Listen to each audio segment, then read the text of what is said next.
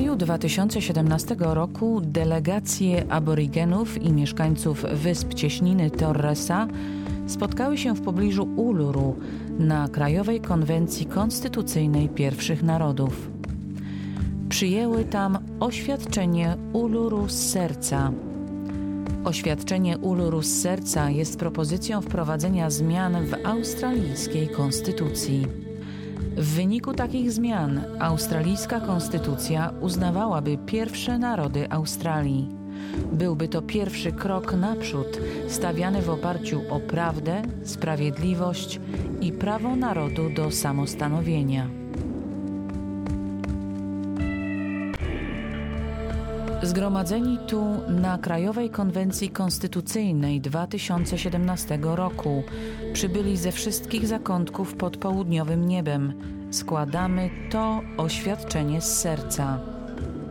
Nasze plemiona aborygenów i mieszkańców wysp Cieśniny Torresa zgodnie z zasadami naszego własnego prawa i naszych zwyczajów, były pierwszymi suwerennymi narodami i właścicielami australijskiego kontynentu oraz sąsiadujących z nim wysp.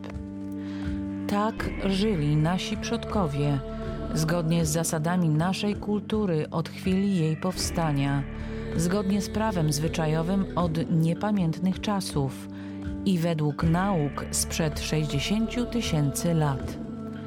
Ta suwerenność jest pojęciem duchowym. To starożytna więź między Ziemią, czyli Matką Naturą, a zrodzonymi na niej aborygenami i mieszkańcami wysp cieśniny Torresa.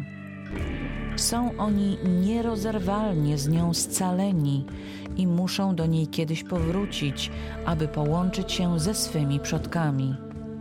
Ta więź jest podstawą własności ziemi, a właściwie suwerenności. Nigdy nie została scedowana, ani też nie wygasła, lecz współistnieje wraz z suwerennością korony. Czyż mogłoby być tak, że rdzenne plemiona posiadały ziemię przez 60 tysiącleci i to święte ogniwo znika z historii świata zaledwie w ciągu ostatnich 200 lat? Wierzymy, że dzięki zasadniczej zmianie konstytucji i reformie strukturalnej ta starożytna suwerenność może rozbłysnąć jako pełniejszy wyraz australijskiej narodowości. Proporcjonalnie jesteśmy najliczniej więzionymi ludźmi świata, choć nie jesteśmy z natury przestępcami. Nasze dzieci są odrywane od rodzin w bezprecedensowym tempie i nie jest tak, bo ich nie kochamy. Ogromna liczba naszej młodzieży ginie w aresztach, a powinny być naszą nadzieją na przyszłość. To wymiary naszego kryzysu które jasno mówią o strukturalnym charakterze naszego problemu.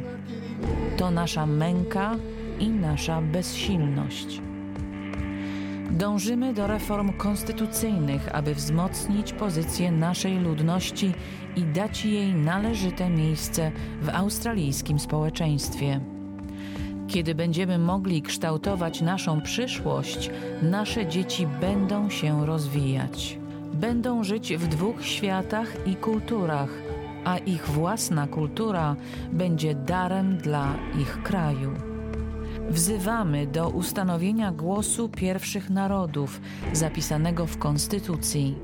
Makarata to punkt kulminacyjny naszego programu, to pojednanie po walce. W oparciu o sprawiedliwość i prawo narodu do samostanowienia odzwierciedla to nasze aspiracje do uczciwych i prawdziwych relacji z mieszkańcami Australii oraz do lepszej przyszłości dla naszych dzieci. Pragniemy, aby Komisja Makarraty nadzorowała proces zawierania porozumień między rządami a narodami i mówienia prawdy o naszej historii. W 1967 roku zostaliśmy policzeni, a w 2017 staramy się być wysłuchani. Wyruszamy z bazy i rozpoczynamy wędrówkę przez ten rozległy kraj.